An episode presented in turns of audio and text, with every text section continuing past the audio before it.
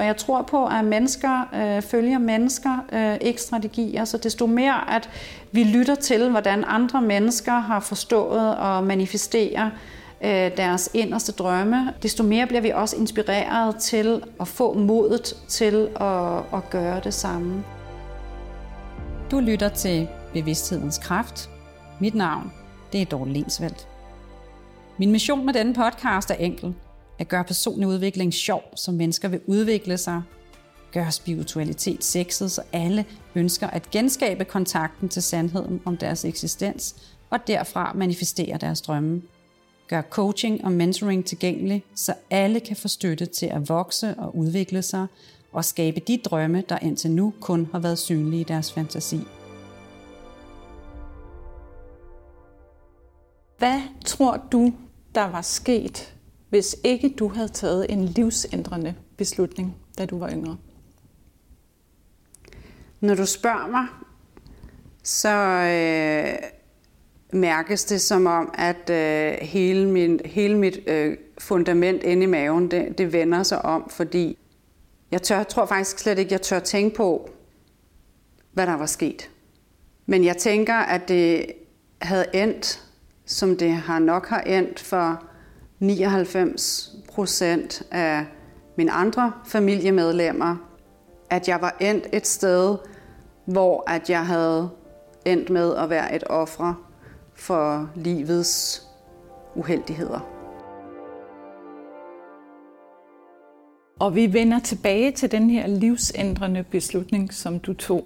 Men øh, lad os først lige lære dig at kende, Dorte. Hvem er du? Egentlig kan man sige, at jeg er en helt almindelig øh, ung kvinde på 46, og øh, egentlig så udstråler jeg jo for mange et vis form for overskud og et vis form for, for held og en vis form for, for lyksalighed.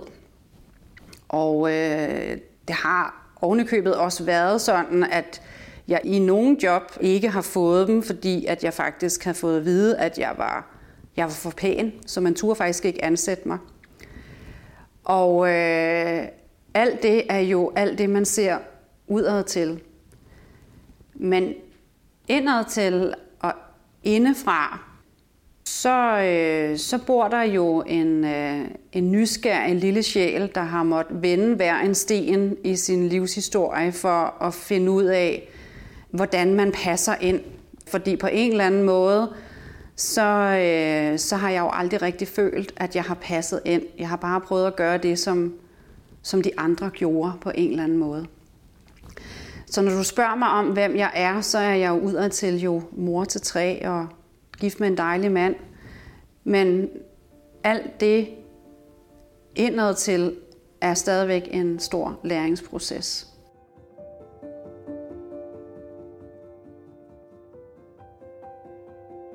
Og øh, du taler om den her pæne øh, ydre overflade, og måske skal vi lige beskrive dig, måske skulle jeg lige beskrive dig. Du, øh, du er blond, du øh, har et smukt og pænt ansigt, du sidder i sofaen i dit hjem, hvor jeg er på besøg hos dig med min lille indspiller. Du har en øh, blå skjorte på og et par blå, mørkeblå korvebukser på, og du er Ja, du er en pæn kvinde, Dorte. Vil du fortælle mig om din barndom? Jeg vil gerne introducere dig for den del af det, der jo faktisk øh, handler om, at jeg er nummer tre i troppen, og øh, før mig, der øh, har mine forældre fået øh, to dejlige drenge. Så øh, da de får at vide, at de skal have mig, og dengang vidste man jo ikke kønnet, men øh, jeg ved fra min mor, at, at de ønskede sig en, en pige. Men øh, det, som historien ikke melder noget om, det er jo, at øh, egentlig så bliver jeg jo født ind i et misbrug hjem. Og øh, det betyder, at, øh, at udadtil så øh, har mine forældre det rigtig pænt. De har to virksomheder, øh, de driver, og øh, det er sådan en kernefamilie udad til.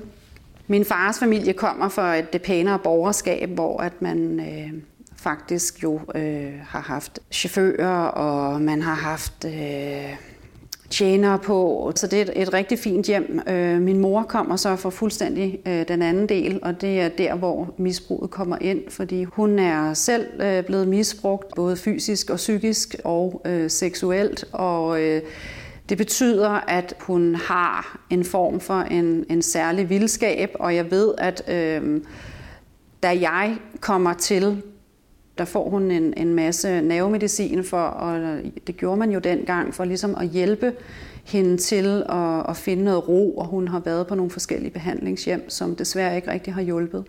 Så øh, de første år af mit liv, i hvert fald de første tre år, er jo på mange punkter en kernefamilie øh, med nogle mørke skygger. Og øh, den mand, som har, har misbrugt øh, min mor, han, øh, han lever stadigvæk. Og det er ham, som, som der bliver kaldt for morfar. Så det er ikke øh, vores biologiske morfar. Det han har gjort, det er, at han har sådan set misbrugt alle de børn, der er kommet ind i familien, inklusiv mine øh, brødre og øh, også mine øh, fædre. Det første minde, jeg har, det er, øh, der er fire år. Og det eneste, jeg kan huske, det er, at jeg ligger i et mørkt rum og kæmper imod. Så det er det første misbrug, jeg på den måde møder. Udover det, øh, så har jeg jo selvfølgelig min mor, der øh, svinger i hendes humørsvingninger, øh, alt efter hvordan hun har det. Så kan hun være oppe, og hun kan være nede, så jeg er sådan på en eller anden måde hele tiden på vagt.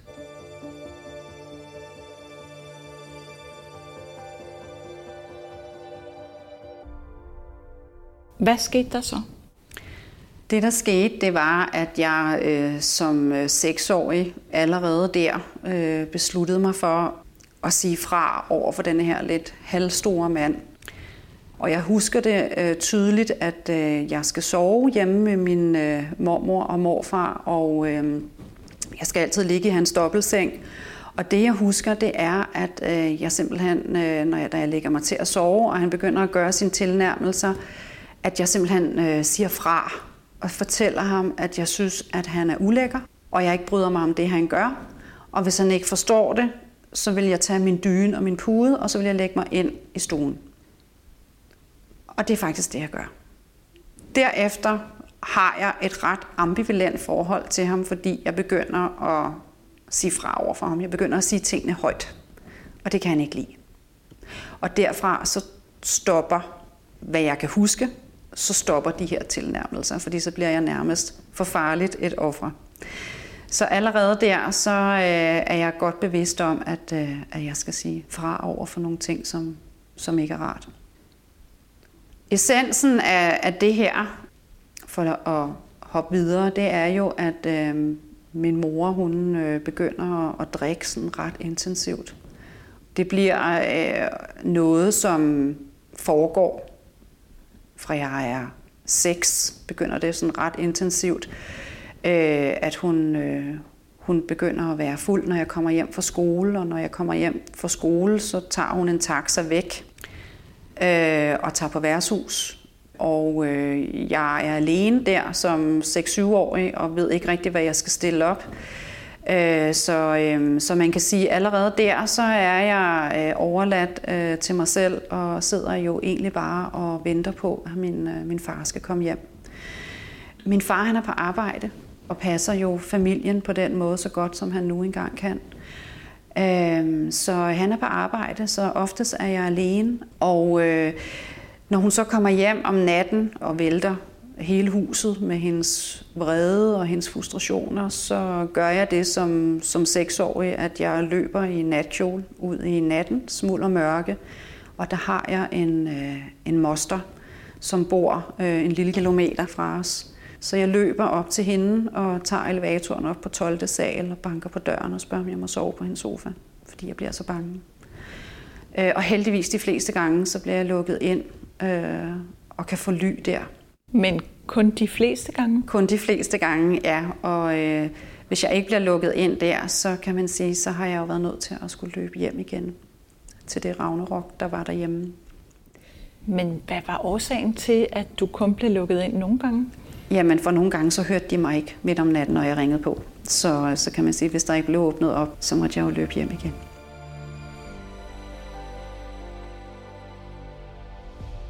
Det var en lidt særlig del af, af historien, og essensen af det, kan man sige, er jo, at jeg allerede der begynder at stille spørgsmålstegn ved min mor, for jeg kender godt hendes historie, så som ganske, ganske ung, så spørger jeg hende, hvorfor hun byder mig det samme, som hun selv er blevet udsat for. Og jeg får ikke noget svar. Det eneste, jeg får at vide, det er, at jeg skal lade hende være i fred, og så øh, er det eneste, jeg kan se for mig i dag som voksen, det er, at hun kører sted i den taxa, og der ikke er noget, jeg kan gøre for at holde på hende. Det, der jo så typisk sker efter de skænderier, der har været i løbet af natten, det er jo, når jeg kommer hjem om morgenen, så, øh, så huset jo splittet ad, og øh, så skal jeg i gang med at rydde op. Og hvorfor skal du i gang med at rydde op?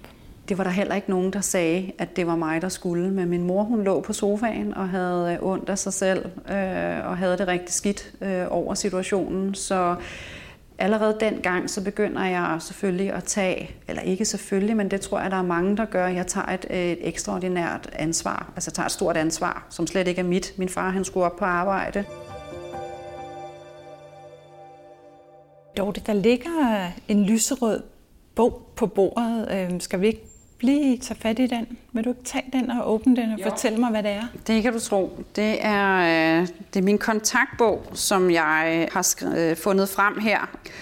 Og øh, den er fra 87, så det vil sige, at øh, der er jeg lige knap 10 år gammel. Og øh, lige omkring det 10. år der, der, øh, der bliver min, øh, mine forældre skilt. Og øh, der har min, øh, min mor, hun, øh, hun har fundet sig en, en anden mand, men øh, hun drikker øh, vældig, vældig intensivt. Øh, så man kan sige, at hele familien er i oprør, nærmest. Og øh, noget af det, som, som man kan sige, øh, jeg faldt over, det var, at til dels så falder jeg over, at øh, min storebror, min elskede dejlige storebror, faktisk øh, skriver på mine forældres vegne, fordi jeg kan huske, at øh, nu viser jeg dig lige her, at det er min bror, der har skrevet her, fordi han tager faktisk et relativt stort ansvar. Han er 18, og jeg er jo 10, så øh, han, øh, han bliver jo øh, ham, der ligesom får ansvaret for at, at passe på mig. Så han skriver jo i min kontaktbog, at jeg desværre er syg igen, og jeg derfor ikke er i skole. Og det er der sådan set øh, øh, rigtig mange beskeder om, eller også at jeg er kommet for sent op, fordi at øh, vi er kommet for sent i seng. Og øh, noget af det, som, som jeg falder over, det er, at jeg, jeg gentagende gange er syg, at jeg gentagende gange har ondt i hovedet, eller at jeg ganske enkelt øh, ikke har, øh, har orden i mine ting. Derudover så begynder min lærer at skrive, at hun synes, at jeg er meget opmærksomhedssøgende og meget grov i min fremtoning og min måde at være på. 9. juni 1988. Det virker meget mærkeligt på lærere og elever med al hendes snak om anfald. Og de her anfald, jeg har, det er jo angstanfald. Og øh, på en eller anden måde, så, øh, så forstår hun det, det som om, at det er en måde, jeg gerne vil have opmærksomhed på. Men det er ganske enkelt ikke noget, jeg kan styre. For de kommer galopperende øh, nærmest i et flæng. Dorte har været væk mere end seks skoledage. Næsten hver femte dag. Hun kan ikke følge med i ting, og hun skal konstant have ekstra hjælp.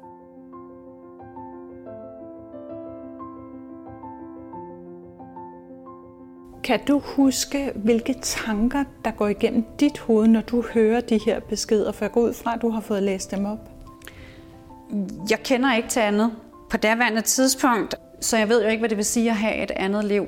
Altså forstået, at der, er den, der skulle på en eller anden måde skulle, skulle være noget galt. Men det jeg i hvert fald kan fortælle, da jeg begynder at gøre, det er, at der er alligevel nogle alarmklokker, der ringer, fordi at det, der egentlig sker, det er, at jeg som 10-årig i hvert fald begynder at opsøge biblioteket. Og det vil sige, at jeg begynder at opsøge og få noget hjælp for nogle bøger, som jeg begynder på det tidspunkt at finde interessant. i forhold til, øh, hvordan man skal være i livet, hvordan man er, hvad, hvad vil det sige at være teenager, og alle de her øh, bøger, som, øh, som jeg suger til mig. Og der søger jeg ly nede på, på biblioteket, og se tilbage, så kan jeg se, at jeg, jeg gør det. Øh, til dels så er der en masse viden, som jeg har lyst til at lære. Og det har hjulpet mig senere hen i livet. Det skal jeg nok fortælle en lille bit smule mere om. Dernæst så er der en ro, og der er altid nogen, jeg kan spørge. Derfor så bliver biblioteket ret tidligt et tilflugtssted, hvor jeg opholder mig rigtig meget. Og allerede der begynder at interessere mig for den personlige udvikling, fordi jeg kan til ikke spørge mig til råds hos mine omsorgspersoner. Dorte, da du er 14 år, der forsøger din mor at tage sit eget liv. Hvad husker du fra den tid?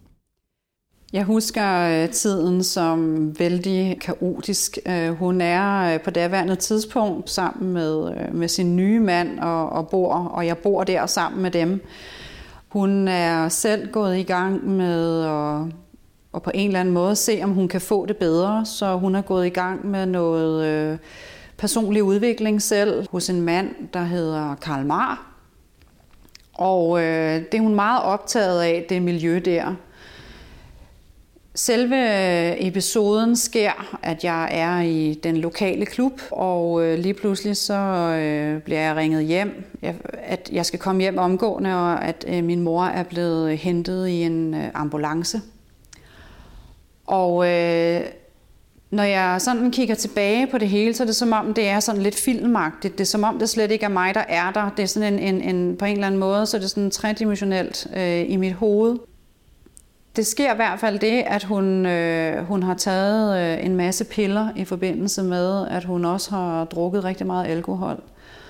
Og øh, det opdager hendes daværende mand, og øh, der er hun så øh, afsted øh, blev hun hentet i, i ambulance. Hvad gør det ved dig? Jeg er i chok. Jeg, igen, jeg forstår ikke rigtigt, hvad det er, der foregår. Fordi det er sådan en, en indgroet del af, af vores dagligdag, at der er så meget tumult.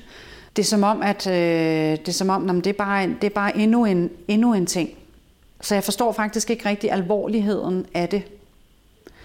Øh, det er jo kun noget, jeg mærker på min krop, fordi at jeg har svært ved at følge med i skolen, og jeg har det øh, dårligt med angst, og jeg er i det hele taget svært at, at, at være i nærheden af. Så man kan sige, jeg, øh, jeg, jeg tror bare, jeg, jeg tror ikke, jeg tænker noget. Jeg tror ikke engang, jeg tænker på, at jeg kunne have mistet hende. Det er først noget, der går op for mig flere år efter. Men du har fortalt mig, at det sker ikke kun én gang, det sker faktisk to gange. Ja, det gør det, fordi at hendes, øh, hendes indre dæmoner er så, øh, hun har det simpelthen så skidt. Øh, hun fortsætter den her behandlingsterapi og får det egentlig værre og værre. Og øh, det sidste hun så gør, det er, at hun så prøver at, at skære pulsåren over på sig selv. Og der bliver jeg ringet hjem igen. Da hun har skåret pulsåren over på sig selv, der øh, ringer hun heldigvis selv til ambulancen og bliver hentet og kørt afsted i fuld udrykning. Jeg er stadigvæk, når jeg kigger tilbage til det, så er det som om, at jeg forstår det stadigvæk ikke, at det er en del af min historie, men, øh, men det får jeg jo at mærke på egen krop, at det er. Det er som om, det er, det er uvirkeligt. Hvordan er jeres forhold efter de her selvmordsforsøg? Jamen, øh, jeg, er, jeg hænger på hende. Altså, jeg, jeg har hele tiden brug for at vide, hvor hun er henne. Men hendes, øh, hendes lyst til at drikke forsvinder jo ikke. Så øh, oftest så er det jo noget med, at øh, så øh, får hun den her uro om eftermiddagen, og så er det noget med, at hun tager afsted om eftermiddagen. Og så ved jeg jo godt, når hun tager afsted, så skal hun jo på, på poppen og være et sted, som jeg for øvrigt havde at være. Et sted, som jeg slet ikke kunne lide at opholde mig. Så jeg var der som regel aldrig, men sad som regel derhjemme og ventede øh, og ringede op til hende en del gange for at spørge, hvornår hun kom hjem. Så jeg havde hele tiden brug for at vide, hvor hun var henne.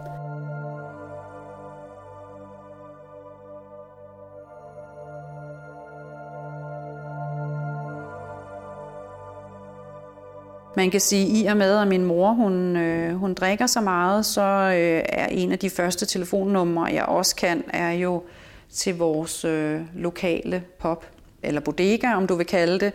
For jeg ved jo som regel, at hun, hun sidder der.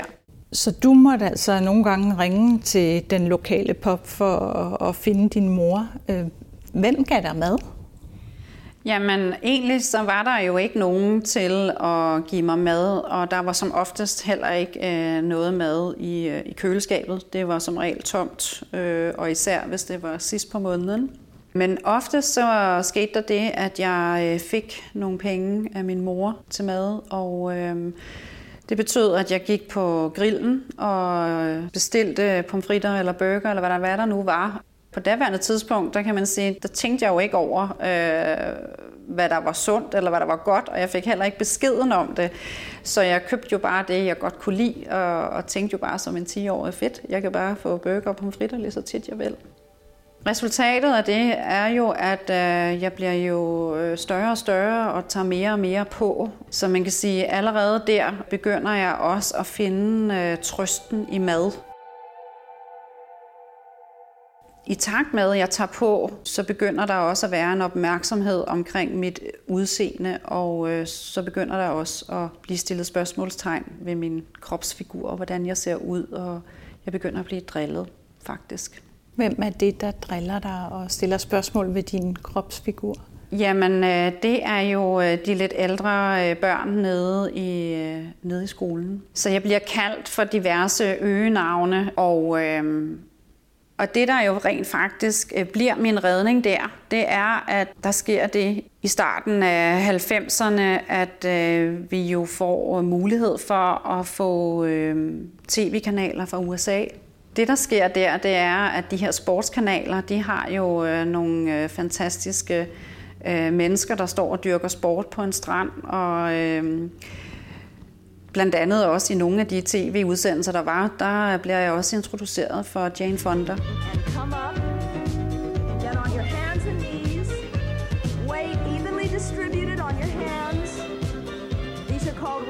Revenge. One, two, så vil jeg helt sikkert også komme til at se sådan ud. Så jeg begynder øh, at bruge øh, en evne, som jeg har fået med mig, som er disciplin. I alt det her begynder jeg at være meget disciplineret omkring min træning, så hver gang jeg kommer hjem fra skole, og der er jeg lige knap, øh, der er 11 eller 12, øh, så ved jeg, at de har øh, sessioner med træning, så der står jeg hjemme på stuegulvet, og så gør jeg det, som de gør i fjernsynet. Det gør også, at jeg bliver introduceret for den verden, og jeg bliver også introduceret meget tidligt for, øh, for danseverdenen. Og øh, jeg ser filmen øh, Flashdance og tænker, hvis hun kan komme for ingenting og lære at danse sådan der igen, så tænkte jeg, det kan jeg også. Så udover at jeg dyrker øh, den sport foran fjernsynet, så begynder jeg også at danse, og det er nogle af de største faktisk øh, en af de største vendepunkter, for der sker faktisk det, at jeg bliver optaget på nogle danseskoler, hvor at jeg er blandt øh, unge mennesker, som har danset øh, standarddanse i, igennem hele deres ungdom og, og barndom faktisk, øh, og nogle øh, har gået på øh, gået til ballet øh, på det kongelige teater, og der er jeg til noget, noget optagelsesprøve, og du må ikke spørge mig om, hvordan, men jeg ryger i hvert fald med i det loop, som så bærer mig videre til at kan komme til at danse professionelt. Og, og så er jeg til optagelsesprøve som 18-årig og bliver optaget der.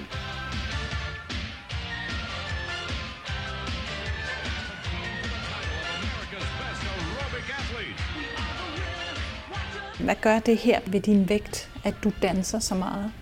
Jamen det gør jo, at øh, jeg pludselig kan se, at min krop begynder at forandre sig, og øh, jeg får jo blod på tanden og øh, får lyst til at, at gøre noget mere, så øh, jeg beslutter mig for også at stille op til Miss Fitness. Og igen bruger en, en styrke af disciplin, hvor at jeg øh, stiller op i, øh, i 98. Jeg, jeg lægger nogle mønstre fra mig og lærer alt, hvad der skal læres øh, omkring øh, den disciplin og den øh, sport. Men det, der jo egentlig bare sker, selvom at jeg står på podiet og scenen, det er jo, at jeg jo indeni stadigvæk er kæmpe usikker og har et forringet selvbillede af, hvordan jeg ser ud.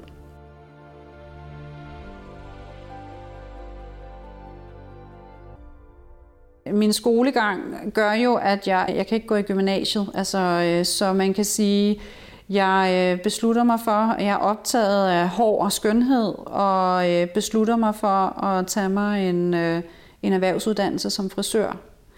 Og denne her erhvervsuddannelse er heller ikke lige til, fordi at øh, jeg kommer jo ind og har øh, nogle, nogle mestre, hvor jeg har svært ved at være under øh, så stramme øh, rammer og strukturer, så jeg har et par skifte i min øh, uddannelsestid, og øh, jeg bliver faktisk ret hurtigt god til at ordne hår. Og det opdager de, at jeg er ret god til det. Jeg er ret god til også at være sammen med mennesker, og det er jo ikke øh, for sjov, at man siger nærmest, at en frisuruddannelse er en halvvejs psykologuddannelse, fordi man er virkelig, virkelig tæt på mennesker, og man får jo alverdens historie at vide, og det finder jeg allerede ud af dengang, at det er ret god til øh, at være tæt på mennesker. Så øh, jeg afslutter min frisøruddannelse øh, med nød og næppe, og øh, slipper det egentlig øh, ret hurtigt og kommer så ind i en stor virksomhed, L'Oreal, hvor at jeg både arbejder som, øh, som make artist og underviser i, hvordan man farver hår med hjemmeprodukter faktisk. Og der er jeg øh, i nogle år og klarer det rigtig godt.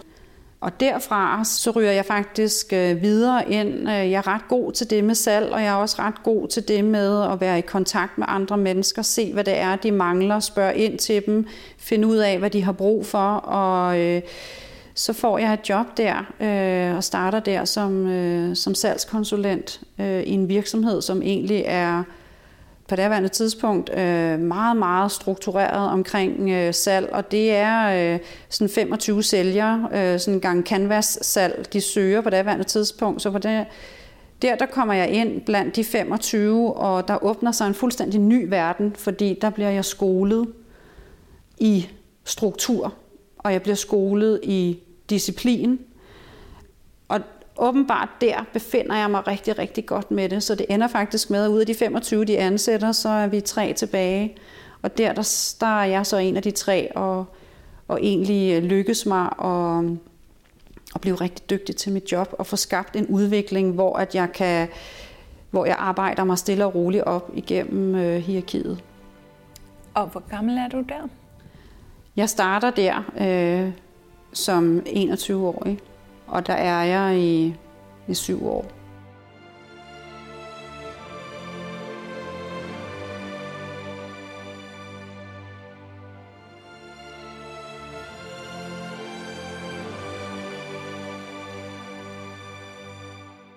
Der kommer så et vendepunkt i dit liv.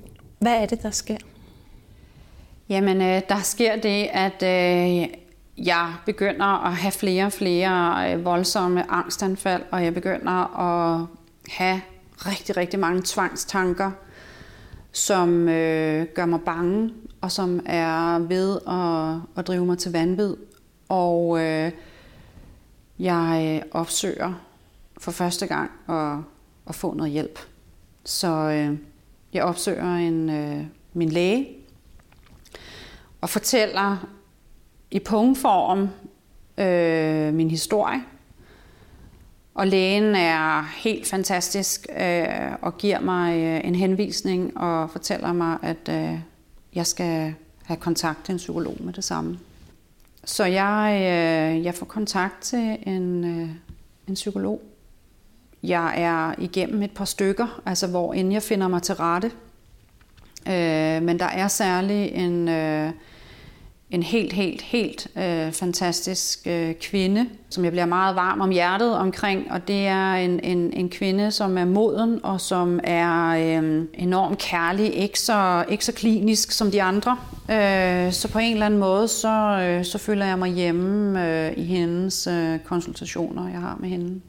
Og hun er meget tålmodig med mig. Hvordan finder du frem til hende? Jamen altså, jeg finder frem til hende, fordi at øh, de første psykologer, jeg havde, det var inde i København, og jeg kunne, på grund af den panikangst, jeg havde, kunne jeg slet ikke håndtere at køre rundt inde i København, øh, lyde, trafik. Øh, jeg turde ikke at skulle med bus og tog, så det fungerede ikke rigtigt for mig, så jeg finder øh, hende, og så kan jeg se, at hun øh, også har øh, konsultationen i... Øh, i, øh, i Værløse, øh, og det passer mig rigtig fint, fordi så er jeg fri for at skal, skal ind til byen. Så på den måde, så finder jeg hende egentlig øh, på daværende tidspunkt øh, på nettet.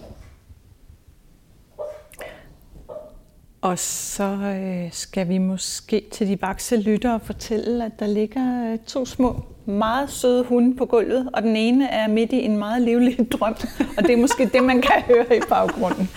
Ja, han ligger og drømmer. Du finder din mentor. Hvad er det, hun gør ved dig? Jamen, hun, øh, hun hjælper mig med at, at finde øh, min indre kerne og ståsted, fordi at jeg er jo ret opmærksom på, jeg kan ikke spørge mine, jeg kan ikke spørge mine forældre til råds i forhold til, hvad der skal til for at få skabt et godt liv. Og øh, hvordan jeg kan komme af med min angst, øh, og hvordan jeg kan leve med den, ikke desto mindre.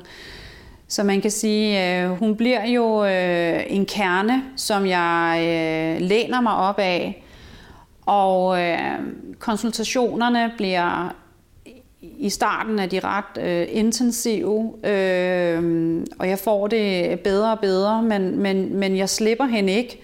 Og så udvikler det sig til, at jeg øh, fortæller hende i perioder, at en ting er, at jeg får modeller, og jeg får ting at vide, jeg skal og gøre, og hvordan jeg skal håndtere det. Og, og så spørger jeg hende, er det ikke sådan, så når jeg nu står i situationen, og jeg er faret vild, er det så ikke sådan, at jeg kan få lov til at have nogle konsultationer indimellem, hvor vi eventuelt tager det over telefonen, hvor du prøver at guide mig i, hvordan jeg kan løse det.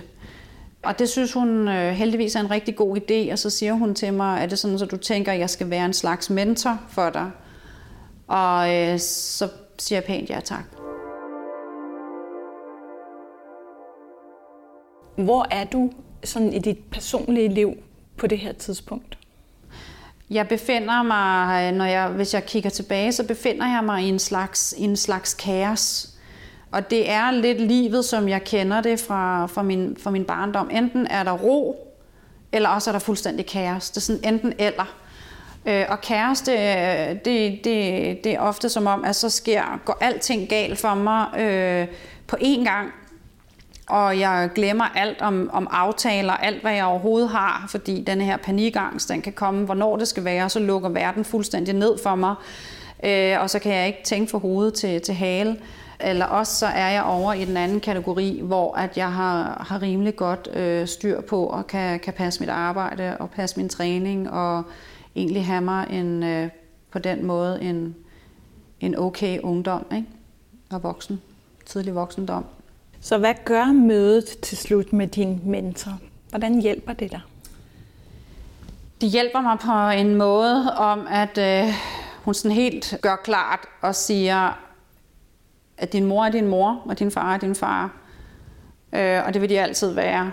Men du bliver nødt til at gøre noget andet hvis du ikke skal, altså, hvis, hvis du ikke skal ende der, så bliver du nødt til at gøre noget andet. Øh, og du bliver nødt til at handle anderledes, end hvad de har gjort. Og det ved jeg jo godt allerede selv, for jeg er jo i gang med at, at kigge på alt, hvad, hvad jeg overhovedet skal kigge på, fordi jeg kan godt se, at jeg kan jo ikke spørge dem til råds. Øh, så stille og roligt, så viser hun mig, mig kernen og essensen af, hvad det vil sige at leve et, hvad skal man sige, et, et ordentligt, sobert liv, hvor at man lærer at, at sætte grænser og passe på sig selv. Folk sagde altid, at jeg skulle passe på mig selv, men jeg vidste jo ikke, hvad det betød. Jeg forstod ikke betydningen af det.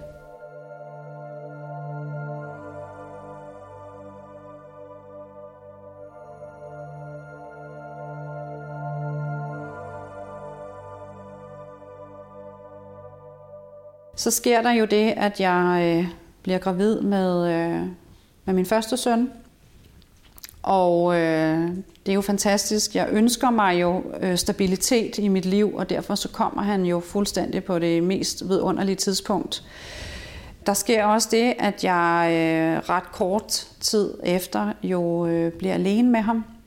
Og øh, det betyder, at øh, jeg så igen på en eller anden måde skal, skal skabe en struktur. Det er et ret stort ansvar for mig, kan jeg huske, at jeg tænker tilbage til. Øh, så jeg flytter øh, alene med ham i en lejlighed i Skovlunden, og øh, allerede der så tager jeg en beslutning om, at nu er det hammer mig. Jeg er fuldstændig ligeglad med, hvad alle de andre skal i weekenderne, og hvad, hvad de ellers skal. Det, det er jeg fuldstændig ligeglad med, for byen og alt det, som, som alle de andre de går til, det bliver lige pludselig ikke vigtigt for mig. Det, der bliver vigtigt for mig, det er at få skabt et fundament for ham og mig. Og det hjælper hun mig med. At få skabt en struktur, der virker. Og på daværende tidspunkt, der befinder jeg mig i øh, en, en strøm af at selvfølgelig være super glad og taknemmelig for, at jeg har fået ham, men at være fuldstændig fyldt af sorg og skam over at blive alenemor, øh, og over det ansvar, det er at, at have sådan en, øh, en lille trold øh, alene. Men hun bliver mit holdepunkt. Og hun bliver dit vendepunkt? Hun bliver også mit vendepunkt. Fordi at i den situation, hvor alt på den måde egentlig er kaos for mig, så finder jeg jo ud af, at, øh, at jeg har hende. Så når vi har en aftale om, at jeg kan ringe til hende, øh, så ved jeg, at, at hun er der, og hun guider mig i, hvad er den bedste løsning, både for dig og, og for dit barn på det andet tidspunkt, øh, da han var så lille. Så, øh, så på den måde, så bliver hun øh, et kæmpe vendepunkt. Det gør hun.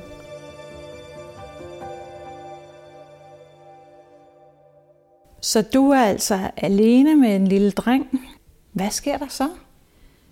Jamen, øh, så sker der ikke desto mindre det her, hvor jeg har taget en beslutning om, at det egentlig bare er mig og min søn. Så har jeg øh, en nat øh, en ret enestående drøm, hvor at jeg, øh, jeg drømmer, at øh, jeg vil møde øh, manden øh, i mit liv. Jeg møder ham ved, at øh, der skal foregå nogle øh, ændringer i den ejendom, jeg bor i, at der skal, øh, altså han er håndværker, at det er den vej, jeg møder ham. Så jeg har sådan et helt klart billede i drømmen om, at, øh, at det vil ske.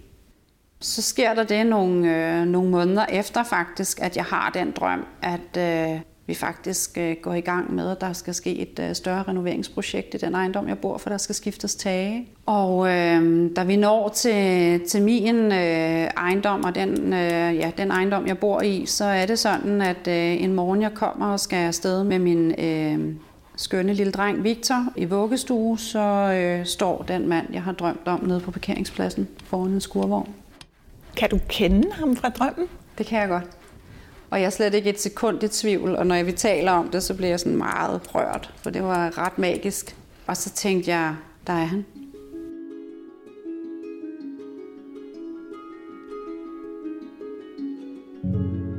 På en eller anden måde, så får jeg taget mig mod til at øh, skrive et, øh, på et visitkort, jeg har, at jeg øh, har set ham, og jeg har lagt mærke til, at han, han er her ved min ejendom. Og øh, hvis han har lyst til at lære mig lidt bedre at kende, så øh, synes jeg, at han skulle øh, tage kontakt til mig. Og så står der så hilsen pigen med den grå Peugeot, som var den bil, jeg kørte i på det tidspunkt. Det kræver noget af, af et mod fra mig, og, og jeg sætter det her visitkort en dag på hans bil. Øh, og så dagen efter jeg kommer ned, så sidder det her visitkort der stadigvæk.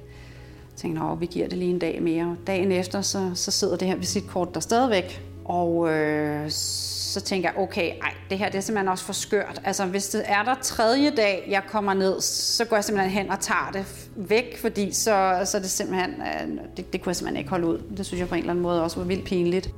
Så tredje dag, da jeg skal ned og tage det væk, så øh, er det så væk fra vinduet.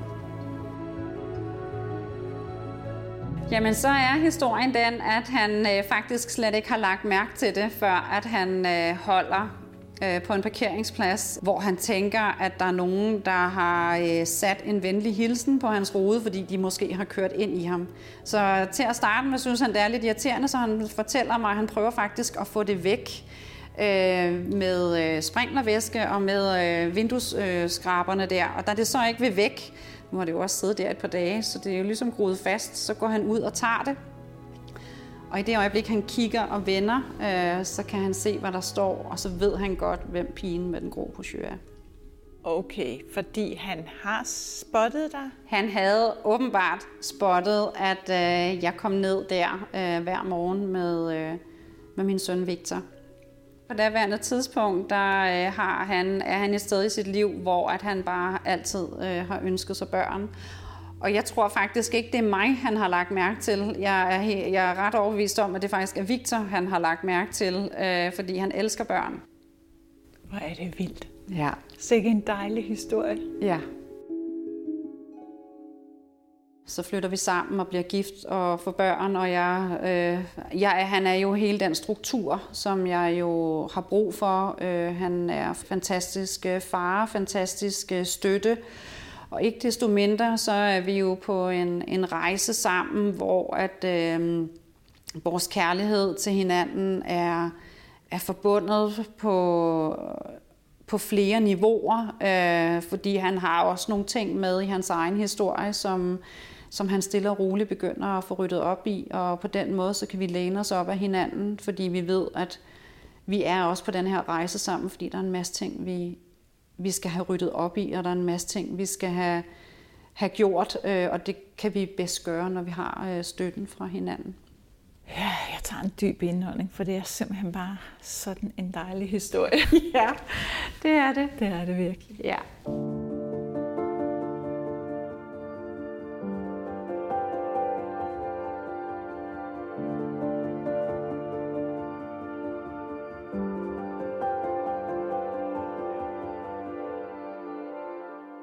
Du beslutter dig for at starte virksomhed?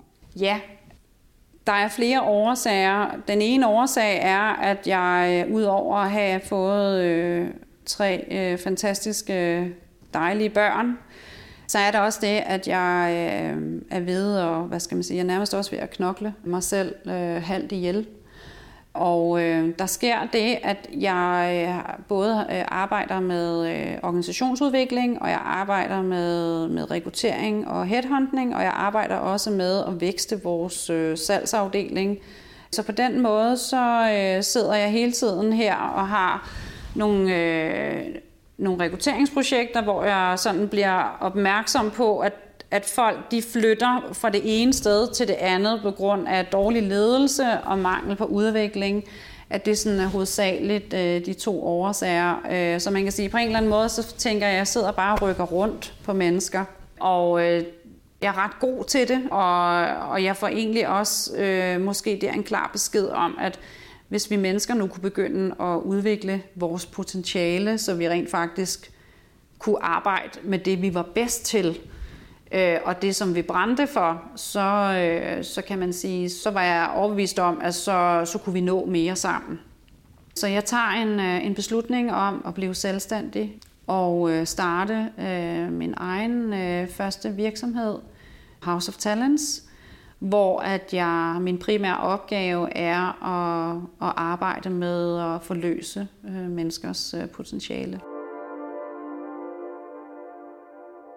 Den virksomhed har jeg øh, stadigvæk i dag, men jeg har bygget videre på min virksomhed, fordi jeg har haft lyst til at arbejde med øh, meget mere med det enkelte menneske, frem for at arbejde inde i en øh, organisationskultur. Og jeg har hele tiden øh, også kunne se, hvor jeg har været bedst. Jeg har været bedst en til en, og jeg har egentlig været en, øh, en mentor for, for øh, rigtig mange øh, virksomhedsledere og, og sådan en slags trusted advisor. Det har de selv hyret mig ind til, så det har sådan ligget i kortene, at jeg har haft de her tætte personlige øh, forløb.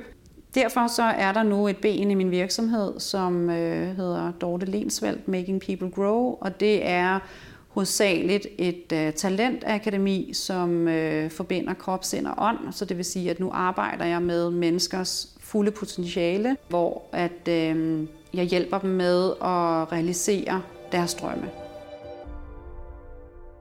Og hvis du sådan skal blive lidt mere konkret, kan du så ikke fortælle, hvordan du gør det?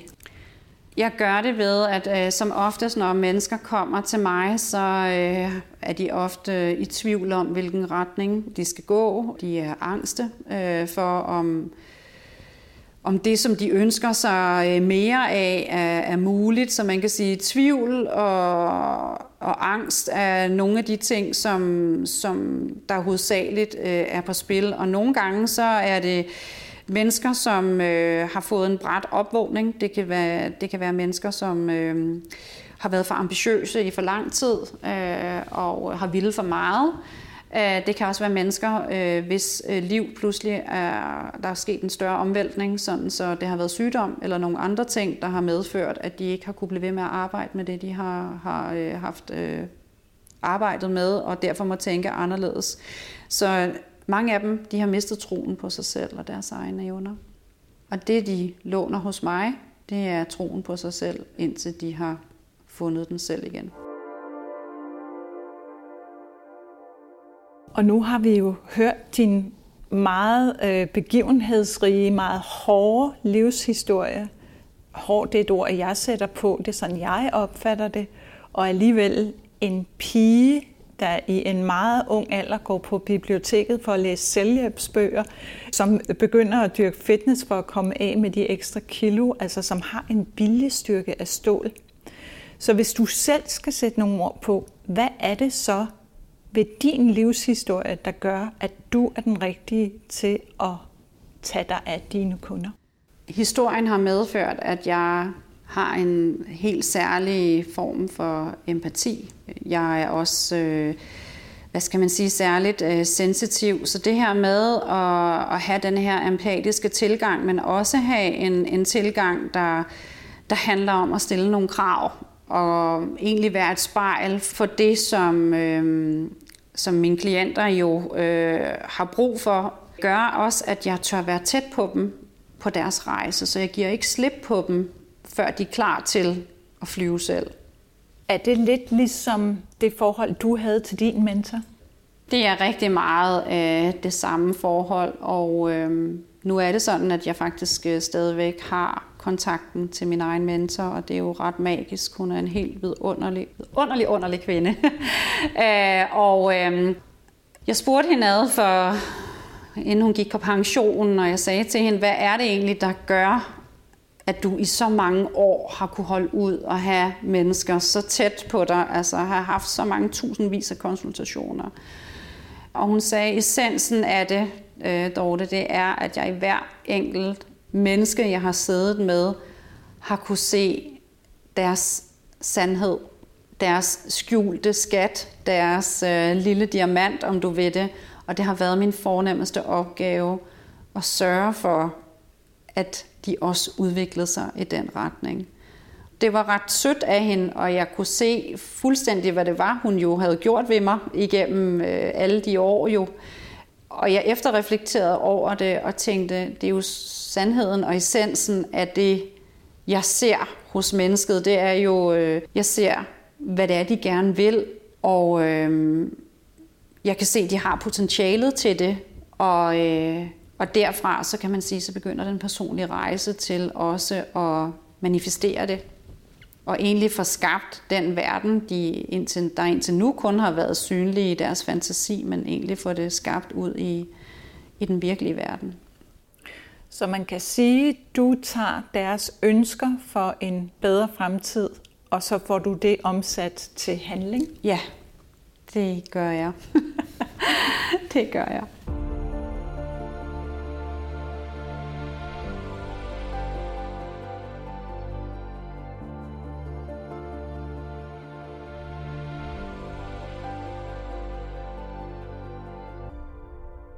Så sad jeg derhjemme i Sverige, hvor jeg bor, og så ringede telefonen.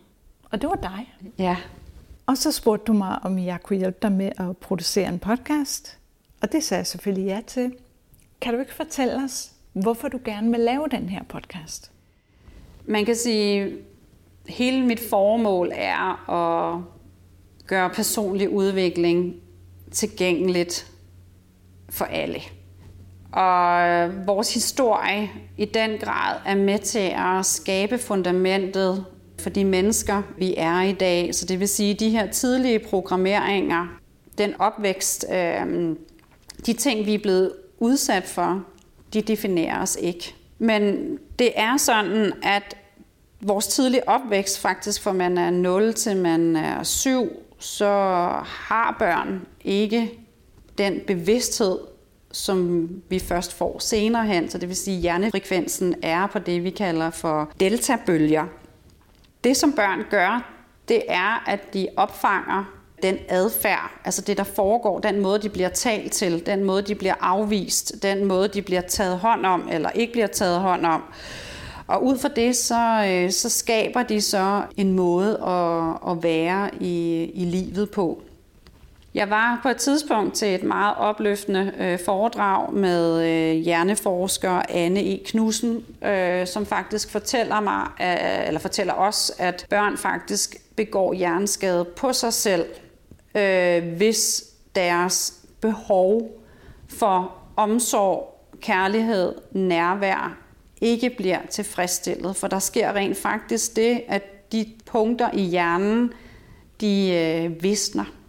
Og øh, det tænkte jeg enormt, det berørte mig virkelig meget. Og øh, jeg tænkte, der må være en måde, hvorpå at vi kan, vi kan genoptage essensen af dem, vi er. Så det vil sige, at vores øh, sociale arv, vores, de mønstre, vi er vokset op i, på en eller anden måde ikke skal gentage sig. Og jeg tror kun på, at det kan stoppe med at gentage sig, hvis vi kan finde nogle rollemodeller og nogle forbilleder, nogen, som vi kan lære noget af, nogen, som ikke kun er eksperter, men rent faktisk også har gået vejen og har fået skabt sig et liv, som på alle mulige måder er meget mere tilfredsstillende end, øh, end det, de kommer fra. Så det er altså dem, du gerne vil give en stemme i din podcast? Ja, det er helt sikkert øh, dem, jeg gerne vil give en stemme, og ikke desto mindre har det også været sådan, at øh, dem, som jeg har i, i mentorforløb, på en eller anden måde har, det har vi jo alle sammen, har jo noget med i, i bagagen. Og det er ikke fordi, at vi, vi ruder ikke specielt meget ved fortiden, fordi jeg er hverken øh, psykolog eller psykiater, men at give dem et indblik i, at den historie har været med til at skabe deres personlighed. Det vil sige, at de har nogle personlige styrker med derfra. Derudover så er talentbelægget skabt. Det bliver skabt i os fra vi er 0 til vi er 21. Så essensen af det, som, som de er, det er faktisk øh, allerede skabt. Så det vil sige, at de neurale forbindelser i hjernen, de er der allerede. Så ved at vi begynder at tale ind til det, og vi begynder at forløse øh, potentialet, så det taler mod de drømme, de har, så begynder de jo lige pludselig at få vind i sejlene. Og derfra begynder de også at få styrket et mod, fordi deres begrænsende overbevisninger ofte er overbevisninger, som de er blevet belært, at nogen før dem har tænkt sådan. Og man siger faktisk, at den måde, vi er i verden på, kan spores syv generationer tilbage. Og den måde, vi så også, hvad skal man sige, skal er på over for vores egne børn, kan jo så også spores syv generationer frem. Så på den måde, så har det jo selvfølgelig en kæmpe betydning, at vi begynder at tænke anderledes om det, som vi tror er muligt, og vi også begynder at få et, et anderledes øh, selvbillede, så så vi slipper os fri for de mønstre, som, øh, som vi egentlig bare har kopieret. Det er det, jeg gerne vil fortælle med denne her podcast, og jeg har jo allerede nogle øh, fantastiske øh, mennesker i forløb, som jo rigtig gerne vil dele ud af deres historie. For jeg tror på, at mennesker øh, følger mennesker, øh, ikke strategier. Så desto mere, at vi lytter til, hvordan andre mennesker har forstået og manifesterer øh, deres inderste drømme, desto mere bliver vi også inspireret til at, øh, at få modet til at, at gøre det samme.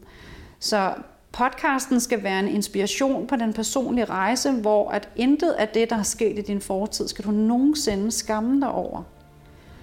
Aldrig. Til gengæld så kan du bruge den visdom til at få skabt den fremtid, som du ønsker dig.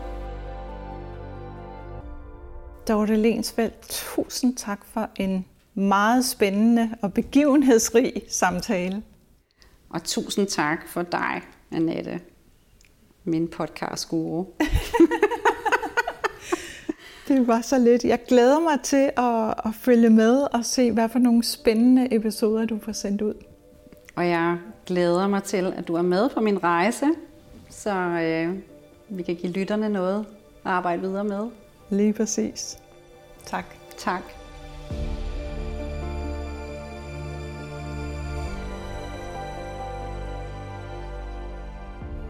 Jeg er Dorte Lensvaldt, livslykkeekspert, forfatter, business- og karrierementor og stifter af Danmarks første kommercielle uddannelsesakademi, der forbinder krop, sind og ånd.